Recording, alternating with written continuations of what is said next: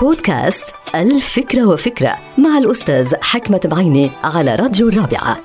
منذ فترة قرأت قولا مفاده إذا ركلك أحد من خلفك فاعلم أنك في المقدمة. هذا القول أعجبني جدا لأنه حقيقة قرأت وشاهدت واختبرت الكثير من محاولات الفاشلين في الحياة في ركل الناجحين في الحياة من الخلف أي الغدر.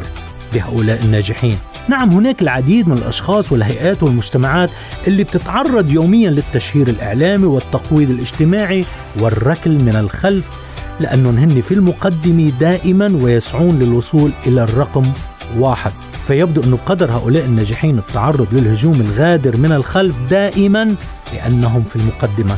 هذا الشيء منه أمر غريب أو جديد ولكن الغريب بالأمر أنه الفاشلين والمتخلفين بيستمروا عادة بهالمحاولات لاستخدام الغدر كوسيلة لإعاقة مسيرة الناجحين. فهل يتعب الفاشلون في محاولات دنيئة للنيل من الناجحين أو يفوز الناجحون في مسيرتهم الدائمة للتفوق والوصول إلى الرقم واحد؟ الجواب واضح جدا.